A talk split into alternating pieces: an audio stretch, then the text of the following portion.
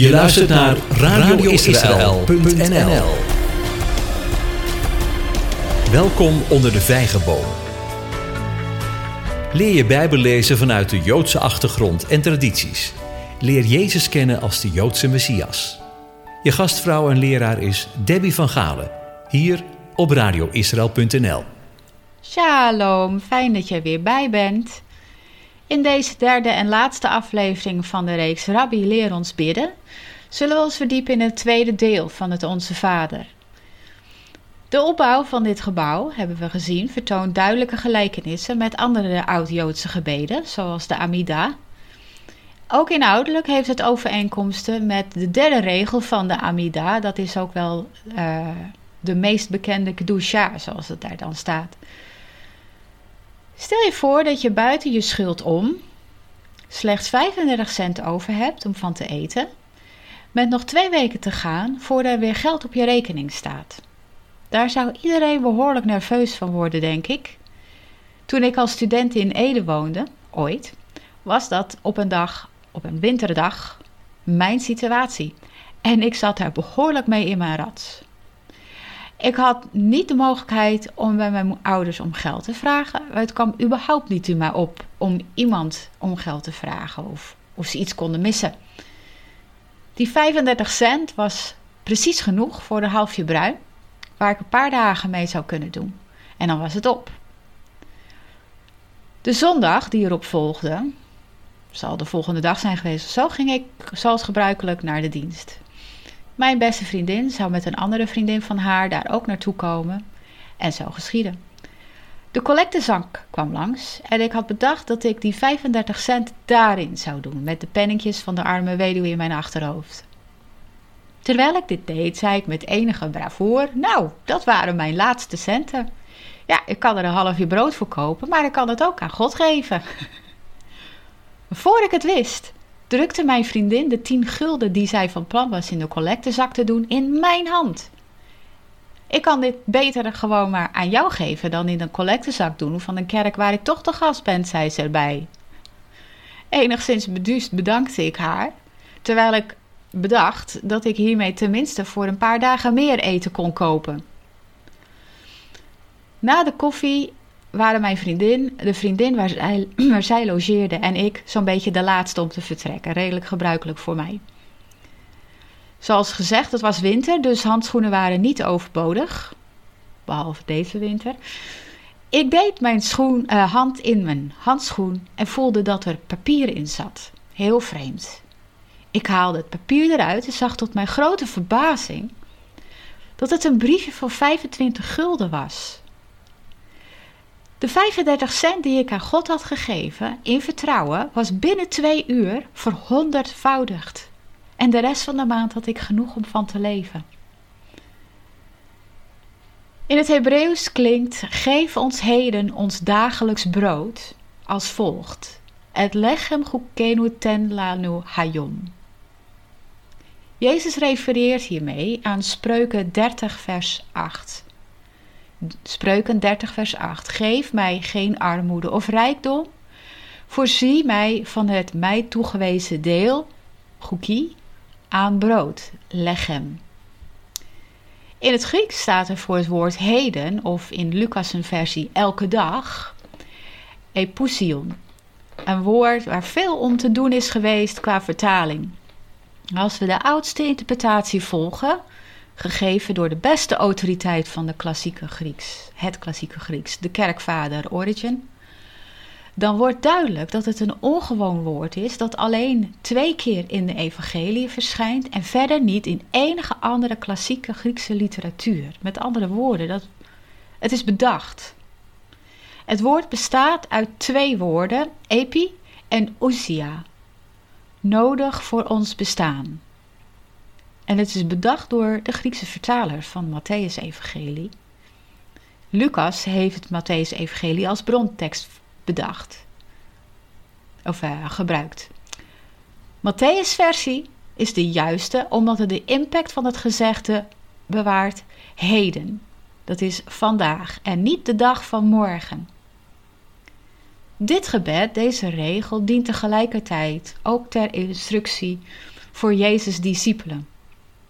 Het herinnert aan de ervaringen van het volk Israël in de wildernis. Um, dit vind je in Exodus 16, vers 3 tot 10. Exodus 16, vers 3 tot 10. Maar ook in Numeri 11, vers 4 tot 13. Numeri 11, vers 4 tot 13. En Numeri, oh wacht even, uh, vers 18 tot 20. Numeri 11, vers 18 tot 20. En versen 31 tot 34. 31 tot 34 waarin manna voor telkens één dag werd voorzien. Begrijpelijkerwijs had men er in het begin grote moeite mee om erop te vertrouwen dat de Heer echt voor elke dag in manna zou voorzien en zamelden ze meer in dan voor slechts één dag. Maar manna dat overbleef, krioelde de volgende dag van de wormen. Alleen om de Shabbat te heiligen kreeg het volk een portie van twee dagen op de vrijdag toebedeeld. Veertig jaar. Veertig jaar lang ging dit zo. En elke Shabbat in al die jaren viel er geen manna. Na verloop van tijd groeide het vertrouwen natuurlijk in deze voorziening, werd het zelfs normaal. Er is een uitspraak in de Talmud van de rabbi Eliezer Hamodai. Hij die de dag schiep, schiep ook de voorziening ervoor. En rabbi Shimeon ben Yochai vergeleek discipelschap met het eten van manna. De Torah kan alleen bestudeerd worden door hun die manna eten. Want hoe kan iemand rustig studeren als hij niet weet wat hij zal eten of drinken, of wat hij zal aantrekken en dragen? Vergelijk dat met Matthäus 6, vers 25 tot 34. Lees ik alleen even versen 31 en 34 voor. Matthäus 6, vers 25 tot 34. Ik lees vers 31 en 34 voor. Waar, wees daarom niet bezorgd en zeg niet wat zullen wij eten of wat zullen we drinken of waarmee zullen we ons kleden. Wees dan niet bezorgd over de dag van morgen, want de dag van morgen zal voor zichzelf zorgen. Elke dag heeft genoeg aan zijn eigen kwaad. De nadruk ligt in deze regel van het Onze Vader ook op heden, vandaag, en drukt totale afhankelijkheid van, uit van een discipel van God, van Jezus, door, voor zijn behoeften. Jezus gaat daarmee verder dan de rabbijnen. Rabbi Shimeon ben Eliezer zei: In je leven tot nu toe, heb je ooit een wilddier of vogel zien zwoegen als in een baan? En toch wordt, het in, wordt in hun behoeften voorzien zonder angst. Zij zijn geschapen om mij tot eten te dienen, want ik ben geschapen om mijn maker te dienen. Vergelijk dit eens met Jezus' woorden in Matthäus 6, vers 26. Matthäus 6, vers 26. Kijk naar de vogels in de lucht. Zij zaaien niet en maaien niet en verzamelen niet in schuren. Uw hemelse vader voedt ze evenwel. Gaat u ze niet ver te boven? God is de grote voorziener. Talmud, in de Talmud staat Shammai, Rabbi Shammai van de school van Shammai koos iedere dag het beste van zijn maaltijd om voor de Shabbat te bewaren. Rabbi Hillel, die de school van Hillel runde, vergeleek of eh, had een interpretatie op Psalm 68, vers 20. Psalm 68, vers 20. Zijn interpretatie, al zijn handelingen waren omwille van de hemel. En hemel leest God. Met andere woorden, vandaag leef of besta ik omwille van de hemel. En een aangepaste citaat van Rabbi Eliezer Hagadol: Wie eten op zijn bord ziet liggen en zich afvraagt wat hij morgen eten zal, is een klein gelovige. De nadruk ligt in het Onze Vader dus op heden, vandaag. Zal God in de lichamelijke behoeften van de discipel voorzien. Volgende regel van het Onze Vader: vergeef ons onze schulden, gelijk ook wij vergeven onze schuldenaren. Daarvoor gaan we eerst lezen Matthäus 18, vers 23 tot 35. Matthäus 18, vers 23 tot 35. Dit is een gelijkenis en daarboven staat de onbarmhartige knecht. Toen Petrus naar hem toe kwam en zei: Heere, hoeveel keer zal mijn broeder tegen mij zondigen en ik hem vergeven? Tot zevenmaal toe? Zei Jezus tegen hem: Ik zeg u niet zevenmaal, maar tot zeventig maal zeven. Daarom kan het koninkrijk der hemelen vergeleken worden met een zeker koning die afrekening wilde houden met zijn dienaren. Toen hij begon af te rekenen, werd er iemand bij hem gebracht die hem tienduizend talenten schuldig was. En toen hij niet kon betalen, gaf zijn heer opdracht dat men hen zou verkopen, en zijn vrouw en zijn kinderen en alles wat hij had, en dat de schuld betaald moest worden. De dienaar dan knielde voor hem neer en, en zei: Heer, heb geduld met mij en ik zal u alles betalen. En de heer van deze dienaar was innerlijk met ontferming bewogen en liet hem gaan en schold hem de schuld kwijt. Maar deze dienaar ging naar buiten en trof een van zijn mededienaren aan, die hem honderd penningen schuldig was. Hij pakte hem beet, greep hem bij de keel en zei: Betaal mij wat u schuldig bent. Zijn mededienaar dan liet zich voor hem neervallen en smeekte hem: Heb geduld met mij en ik zal u alles betalen. Hij wilde echter niet, maar ging heen en wierp hem in de gevangenis totdat hij de schuld betaald zou hebben. Toen zijn mededienaren zagen wat er gebeurd was, werden zij erg bedroefd. Ze gingen naar hun heer en vertelden hem alles wat er gebeurd was. Toen riep zijn heer hem bij zich en zei tegen hem: Slechte dienaar, al die schuld heb ik u kwijtgescholden omdat u mij dat smeekte. Had u ook geen medelijden moeten hebben met uw dienaar, met uw mededienaar, zoals ik ook medelijden met u had? En zijn heer, boos als hij was, gaf hem aan de pijnigers over, totdat hij alles wat hij, hij hem schuldig was betaald zou hebben. En zo zal ook mijn hemelse Vader met u doen, als niet ieder van u van harte de misdaden van zijn broeder vergeeft. Een van de meest indringende onderwerpen in Jezus' onderwijs van zijn discipelen is vergeving. Iemands verantwoordelijkheid om te vergeven. Dat is in deze gelijkenis misschien wel het duidelijkst gemaakt. De dienaar die zijn, zijn, zijn heer om vergeving, om kwijtschelding vroeg, eigenlijk niet eens om kwijtschelding vroeg. Hij vroeg om geduld en hij kreeg kwijtschelding. En zijn mededienaar, die hem gewoon vele malen minder schuldig was, daar had hij geen medelijden mee. En Jezus zegt: Zo zal ook mijn hemelse Vader met u doen, als niet ieder van u van harte de misdaden van zijn broeder vergeeft dan krijg je het nog eens extra voor je kiezen. Vergeving is een van de meest basale nadrukken in Jezus' onderwijs. Het zal ons daarom niet hoeven te verbazen dat het als sleutelelement terugkomt in het Onze Vader, zo praktisch in het midden. In Matthäus 6, vers 14 en 15, Matthäus 6, vers 14 en 15 zegt Jezus: Want als u de mensen hun overtredingen vergeeft, zal uw hemelse Vader u ook vergeven. Maar als u de mensen hun overtredingen niet vergeeft, zoals hier in het gelijkenis gebeurde, zal uw Vader uw overtredingen ook niet vergeven.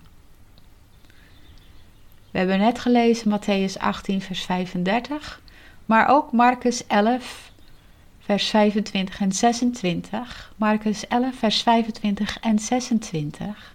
Daar heeft Jezus het hier ook over. Dat Jezus hierover spreekt, onderstreept de absolute noodzaak om te vergeven. Dit zien we ook terug in de Joodse tradities. Rond 170 voor Christus plaatste Ben Sira of Sirach vergeving in de context van gebed. Hij zei: Vergeef je naaste wat hij heeft misdaan en je zonden zullen jou niet worden aangerekend wanneer je bidt.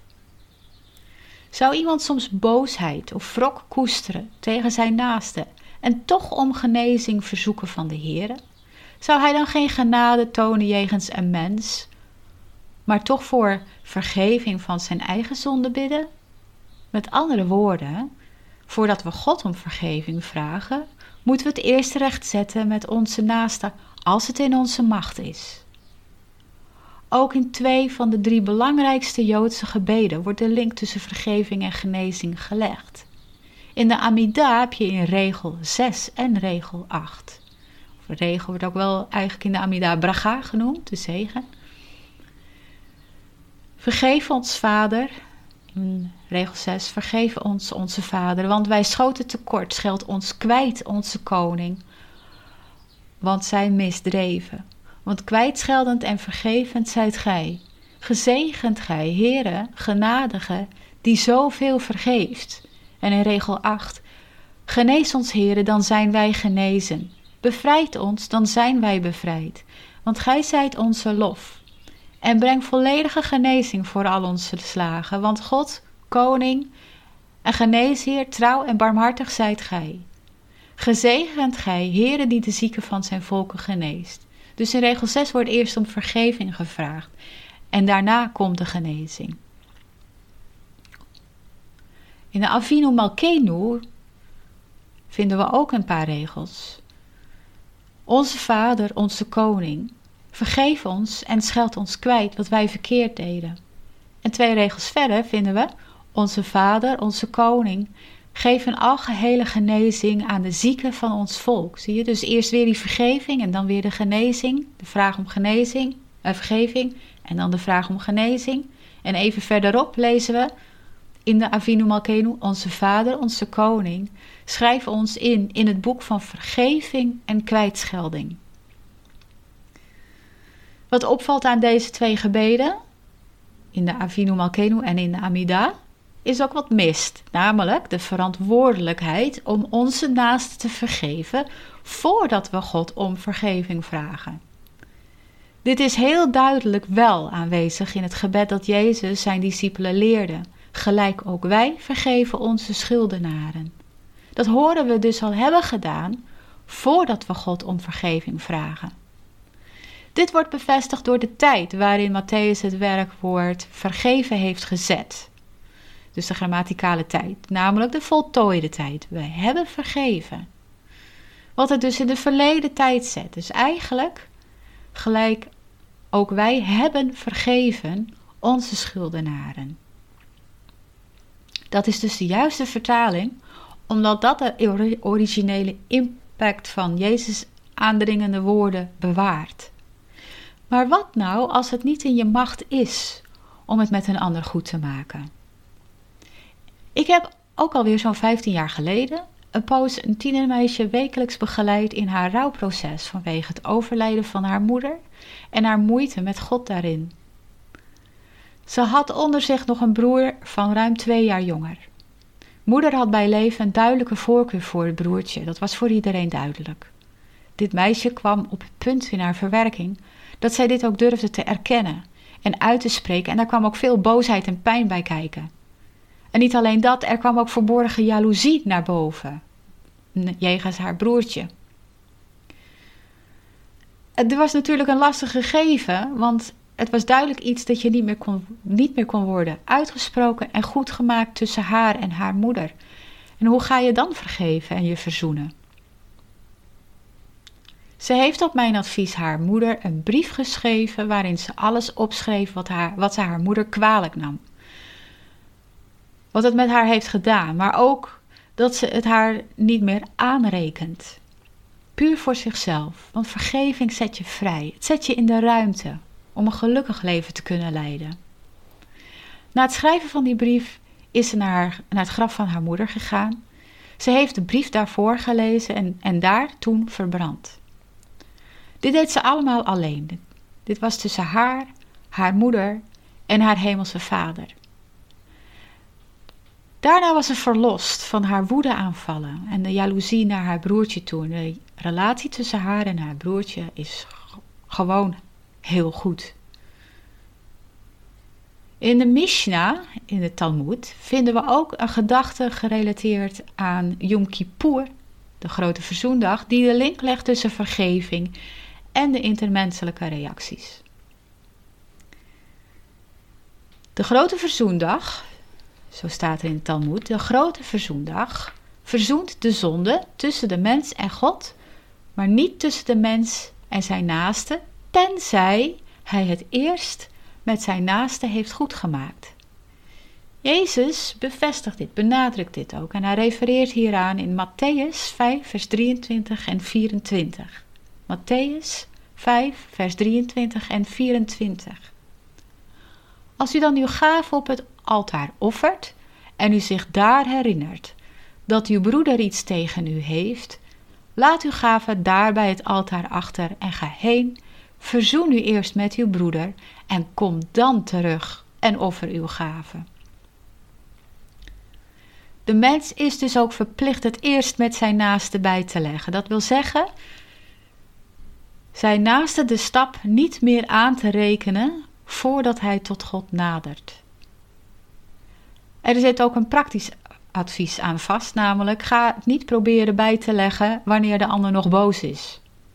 Waarom niet? Wat nou als je het goed met iemand wil maken, maar de persoon in kwestie zit nog vol emotie? De kans op vergeving en of verzoening is erg klein dan. Dat zou vijandschap en haat kunnen veroorzaken. Want wie een ander niet vergeven wil, maakt volgens Joodse traditie zich tot de vijand van een ander. Hierover zegt Jezus in Matthäus 4, 5, vers 44, Matthäus 5, vers 44, maar ik zeg u, heb uw vijanden lief, zegen hen die u vervloeken, doe goed aan hen die haten, en bid voor hen die u beledigen en u vervolgen. Daar refereert hij aan Spreuken 25, vers 21 tot 22. Spreuken 25, vers 21 en 22. Daar staat: Als iemand die u haat honger lijdt, geef hem brood te eten. En als hij dorstig is, geef hem water te drinken. Want zo zult u vurige kolen op zijn hoofd hopen, en de Heere zal het u vergelden. Met welk doel zou je dit doen? Om de weg terug naar verzoening open te houden en zodat u kinderen zult zijn van uw Vader die in de hemelen is, want hij laat zijn zon opgaan over slechte en goede mensen en laat het regenen over rechtvaardigen en onrechtvaardigen. Matthäus 5 vers 45. Matthäus 5 vers 45. Dit toont aan dat zowel Jezus als in de rabbijnse traditie er wordt aangegeven dat de onderlinge menselijke relaties de relatie met God beïnvloeden. Paulus en Petrus tonen aan hoe dat in een huwelijk nog eens extra wordt benadrukt. Lees 1 Petrus 3 vers 7, 1 Petrus 3 vers 7 en Colossense 3 vers 19. Colossense 3 vers 19, mag je zelf opzoeken. Rabbi Gamliel tweede zei, en ieder die genadig is voor een ander zal genade uit de hemel ontvangen. Echter een ieder die geen genade toont, zal ook geen genade uit de hemel ontvangen. Over schuldenaren staat in de Sidoor een zeer oud gebed die doet denken aan Jezus' woorden. Het wordt uitgesproken nadat een zieke is hersteld, iemand een moeilijke reis achter de rug heeft, of nadat iemand iets heeft overleefd van een bepaald gevaar. Net als in het Onze Vader worden de woorden schuldenaren gebezigd. Er staat in, die, in de Sidoer dat oude gebed: Gezegend zijt gij, Heere onze God, koning van het heelal, die goed doet aan schuldenaren, want hij is goed voor mij geweest. In de Jeruzalem Talmud wordt dit gebed uitgesproken in de context van Gods voorziening van regen. Zij zijn zondaren, onwaardig en zonder verdiensten en hebben zelfs een verplichting of schuld naar God toe. Maar toch is Hij genadig en heeft Hij hun gezegend met Zijn goedheid. Rabbi Jose, Josse Bar Jacob zegt: We zijn verplicht uw naam, onze koning, te prijzen voor iedere druppel regen die u ons zendt, want u doet goed aan schuldenaren. Het Hebreeuwse woord dat hier wordt gebruikt is chayavim. En dat betekent zowel verplicht als schuldenaren. Maar het kan ook zondaren betekenen. De woorden van Jezus leren ons dat we de ander die ons iets verplicht is of tegen ons gezondigd heeft, op wat voor manier dan ook, dienen te vergeven. God toont genade aan wie genade toont. Het woord gayav is waarschijnlijk een Aramees leenwoord dat het wortelwoord is voor gayavin, dat schuld betekent. Zowel iets waarvoor iemand verantwoordelijk voor kan worden gehouden, als iets dat moet worden voldaan. Lucas legt het, uh, gebruikt het woord zonde, waarmee hij zijn lezers het, schuld, uh, of het begrip schuld lijkt te willen uit te leggen. Echter, het woord schuld kan in betekenis meer kanten op dan zonde. Het eerste is met inbegrip van zonde. De schuld is met inbegrip van zonde. Van een discipel van Jezus wordt gevraagd dus een houding van vergeving te hebben als essentiële kwaliteit. Voordat mijn grootvader stierf, stelde hij een lijst op van namen, geen idee hoe lang of kort die lijst was, maar dat is onbelangrijk, van mensen waarmee hij vond dat hij iets goed te maken had voor hij stierf. Hij wilde met een schone lei als het ware naar huis. Huis met een hoofdletter. En met al die mensen op die lijst heeft hij zich ook daadwerkelijk verzoend. Dat heeft grote indruk op mij gemaakt, heeft ook een groot voorbeeld gesteld voor mij. Dit deed hij niet alleen omdat Jezus dat van hem vroeg, maar ook in navolging van Jezus zelf. In gesprekken met mensen over vergeving heb ik vaak horen zeggen: Ik kan hem haar niet vergeven. En mijn antwoord is dan: kan niet, wil zeggen, wil niet. Het gaat hierin alleen niet om onze wil, maar om de wil van onze Hemelse Vader. En het is Zijn wil dat wij vergeven. Jezus begrijpt de grote bevrijdende kracht van vergeving. Een enorme verlossing komt vrij op het moment dat iemand in staat is zelfs de meest gruwelijke daad te vergeven. Deels is dat mogelijk omdat de wil er is, deels is het ook het genadige werk van de Geest van God in ons. Jezus gaf ons het ultieme voorbeeld van vergeving toen hij naar de Joodse leiders en de soldaten keek die hem aan het hout hadden genageld. De hoop van Israël, de Messias, gekruisigd omwille van het behoud van hun eigen macht. En hij bad: Vader, vergeef het hun, reken het hun niet aan, want ze weten niet wat ze doen. Lucas 23, vers 24. Lucas 23, vers 24. Hierin liet hij weer de eenheid van God zien die hij is. Het doen van de wil, genadig sprekend, vol liefde en compassie vanuit de geest. We komen bij de regel en leid ons niet in verzoeking, maar verlos ons van de boze. Hier hebben we weer te maken met een Hebreeuwse parallelisme. Voor meer daarover verwijs ik je graag naar de QA-aflevering van deze serie. Een parallelisme wil niet zeggen dat de betekenis van de twee regels identiek aan elkaar zijn. Meestal versterkt de tweede regel de gedachte van de eerste door er extra diepgang of uitleg aan te geven. We gaan eerst de eerste regel en daarna de tweede regel van deze smeekbede bestuderen. Of deze zin. Dus eerst de eerste regel. En leidt ons niet in verzoeking. Heb je wel eens gehoord van tv-programma Temptation Island? Het is een programma waarin jonge stelletjes op een paradijselijk eiland worden gezet met de bedoeling dat zij elkaar verleiden tot overspel. De relatietest noemen ze dat. Verzoeking, beproeving dus. En nee, wees gerust, ik heb er nog nooit naar gekeken, ik hoop jij ook niet. Het idee alleen al is gruwelijk en duivels. Deze bede die Jezus zijn discipelen leerde, leidt ons niet in verzoeking, gaat daar precies over. Daarom haal ik het ook als voorbeeld aan. Het Hebreeuwse woord voor verzoeking heeft vaak de onderliggende gedachte van test of beproeving. Dus de onderliggende Hebreeuwse gedachte is test of beproeving. In het Nederlands kan het ook de betekenis van verleiding hebben. Dat spreekt wellicht voor ons meer tot de verbeelding. In de Talmud wordt uitgebreid gesproken over de tien beproevingen die Abraham moest doorstaan en die hij ook doorstond. Wij kennen ook het verhaal van de beproeving van Jezus in de woestijn, waarbij de Satan hem drie keer testte om hem te doen struikelen. Voor meer daarover verwijs ik je graag naar de Bijbelstudiereeks De Ware Messias presenteert zich, te vinden als podcast van Radio Israël, maar ook bij uitzending gemist.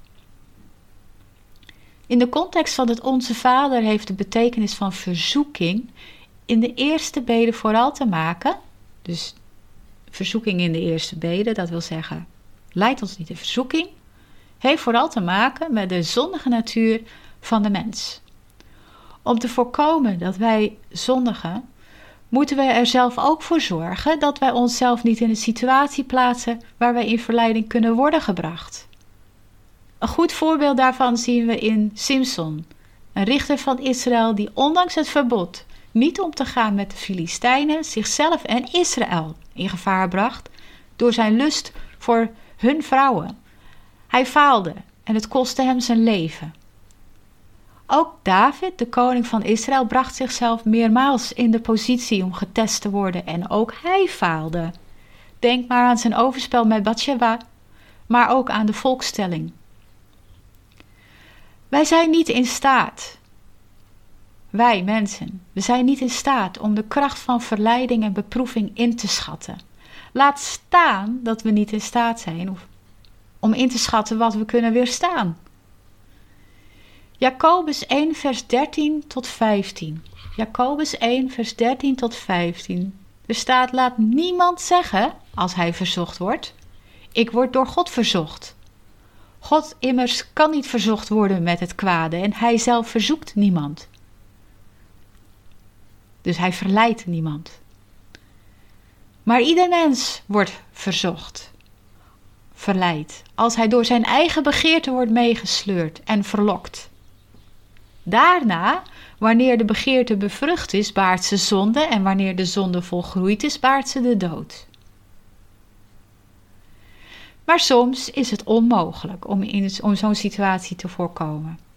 Voor dat deel waar we het niet hebben kunnen voorkomen, leert Jezus ons bidden dat onze Hemelse Vader ons wegleidt uit de situatie van verleiding, verzoeking en beproeving.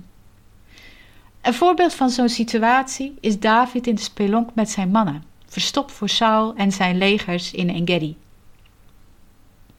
Koning Saul betreedt de spelonk om in de koelte daarvan een dutje te gaan doen. Onbewaakt en kwetsbaar in zijn slaap. Hier kon David niet uit wegkomen en de verleiding om gebruik te maken van de situatie en Saul te vermoorden was groot, helemaal onder de dwingende aansporingen van zijn mannen. Zoals de profeet Samuel leerde toen hij de nieuwe koning onder Ishaï's zonen kwam zoeken om die te zalven, de mens ziet aan wat voor ogen is, maar de Heere ziet het hart aan. In 1 Samuel 16 vers 7 vind je dat. 1 Samuel 16 vers 7. En dat van David had de goedkeuring van de Heere. David werd dus niet boven vermogen verzocht, beproefd.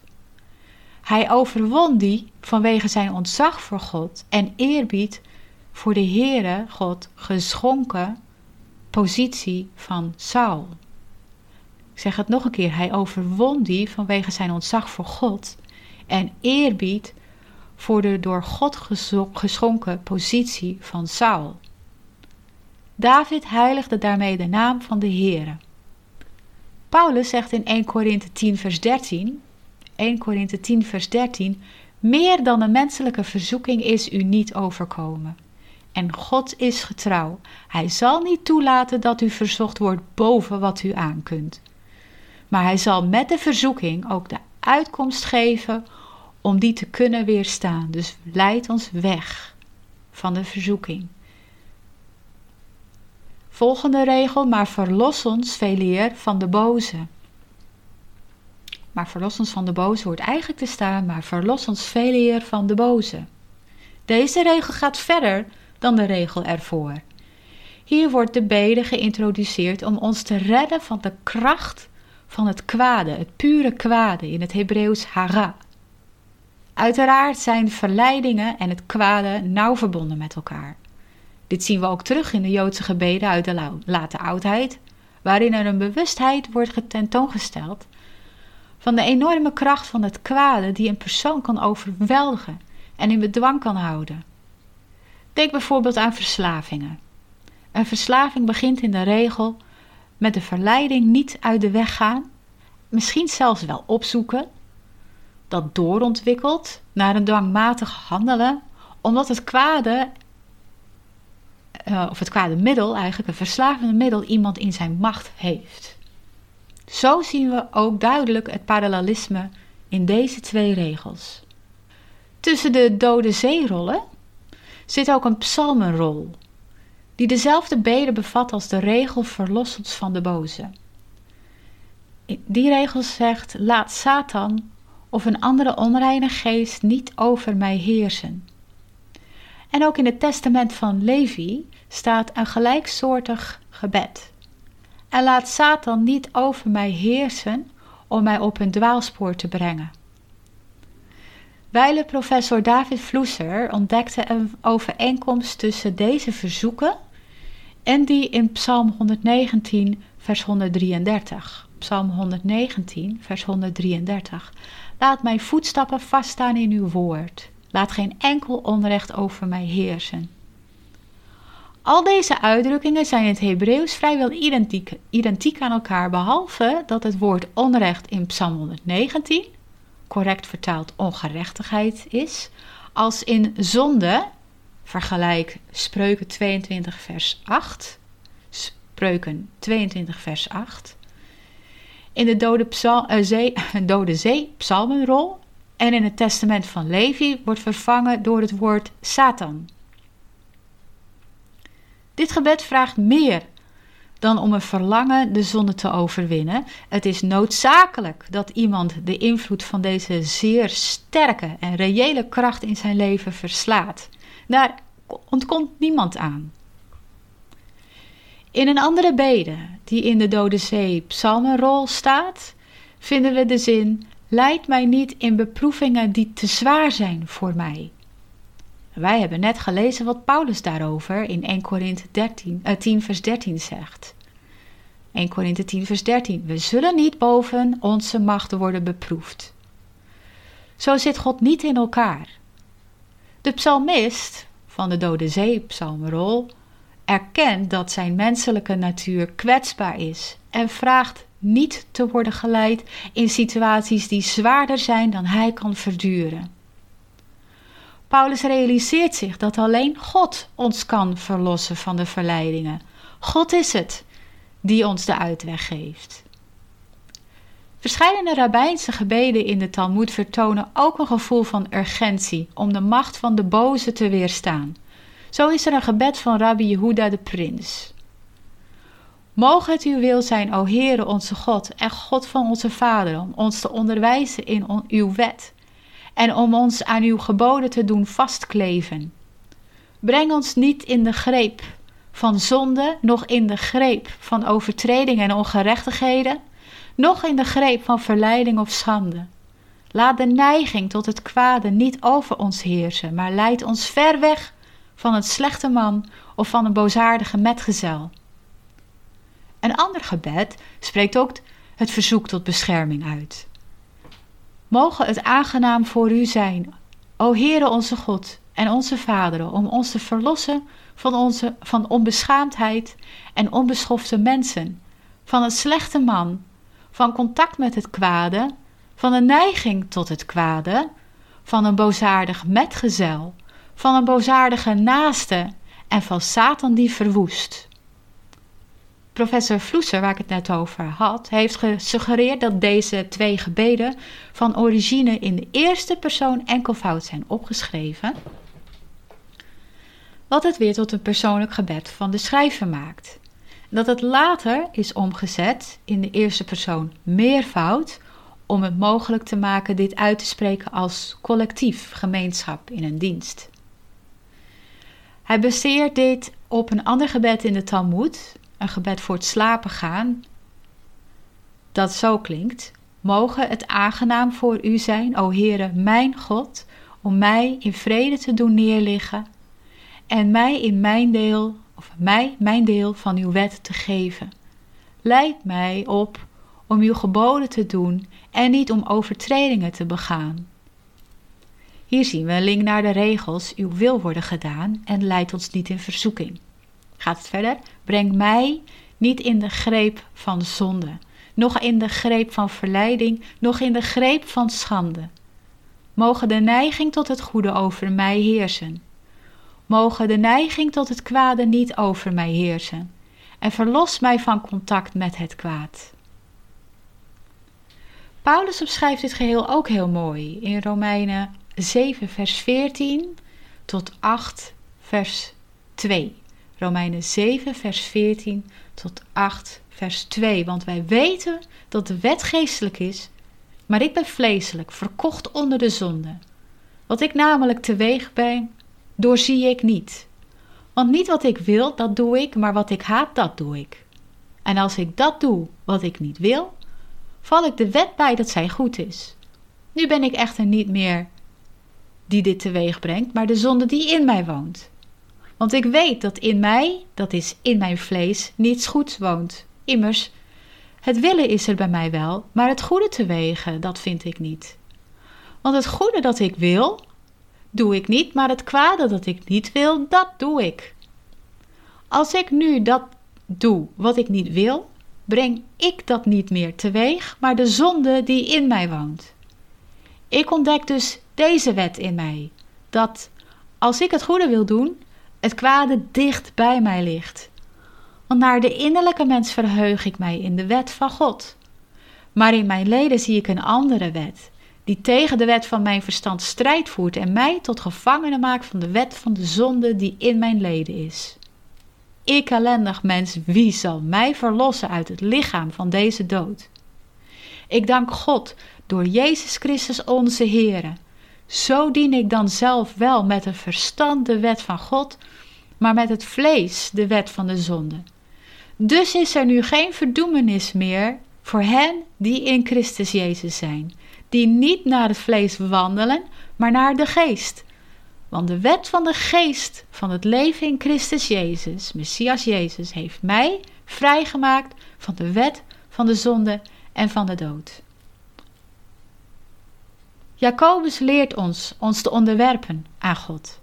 Want zo bieden wij weerstand aan de duivel en hij zal van u wegvluchten. Jezus instrueert zijn discipelen, waar jij en ik ook bij horen, om te bidden voor verlossing van de kwade krachten die iemand kunnen beïnvloeden om hem of haar onder de overweldigende kracht van zonde te brengen. We hebben al gezien, maar ik merk er nog maar een keer extra op. Dit element van het Onze Vader is nauw verbonden met de eerdere regels die gaan over Gods heerschappij en het uitvoeren van zijn wil in de hemel en op aarde. Heb je dit gemist? Luister dan naar deel 2 van deze reeks.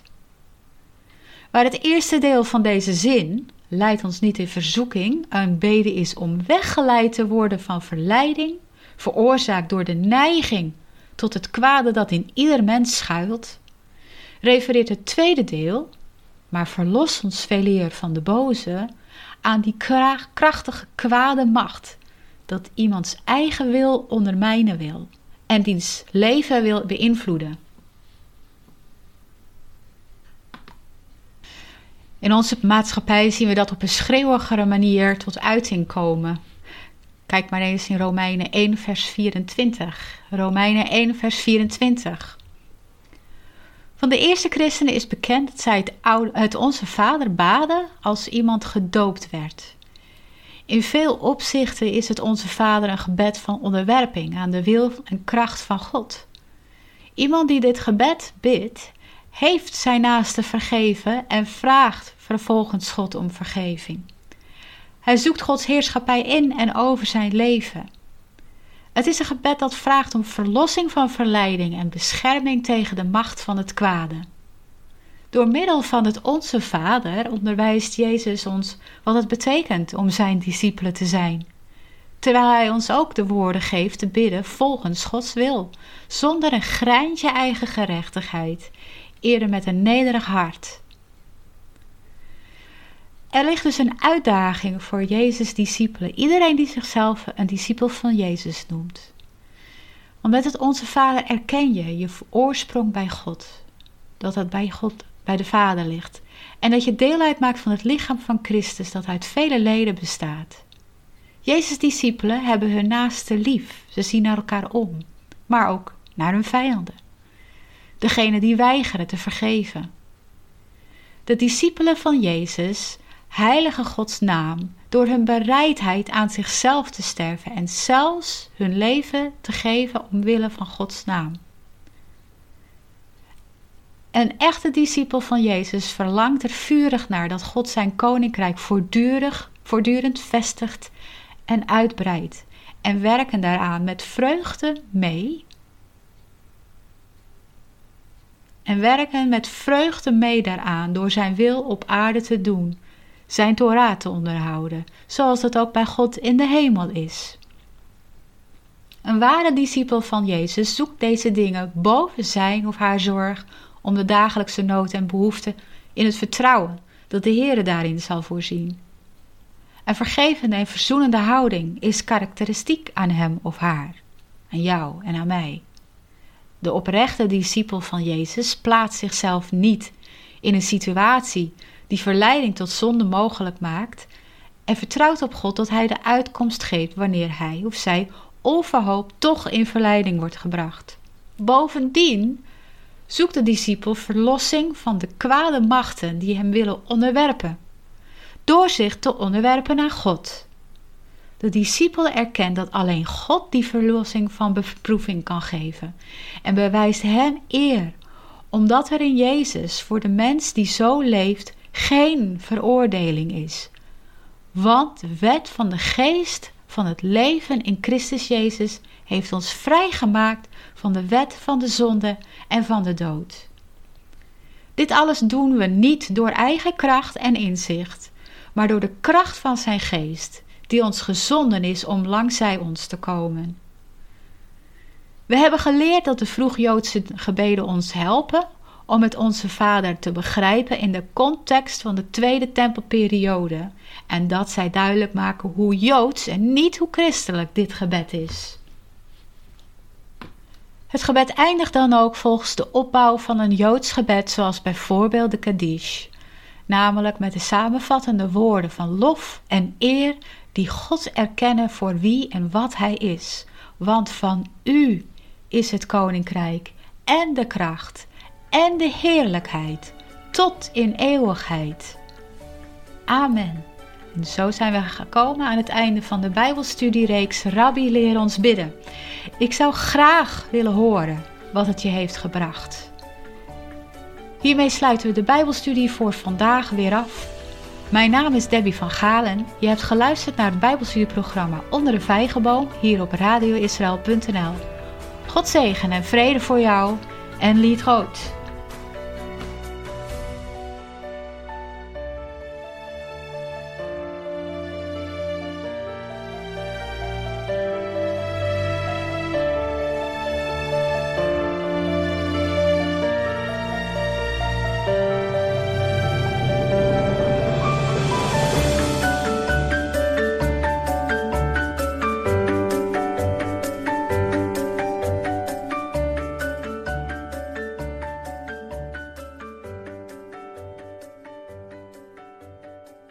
Je luistert naar radioisrael.nl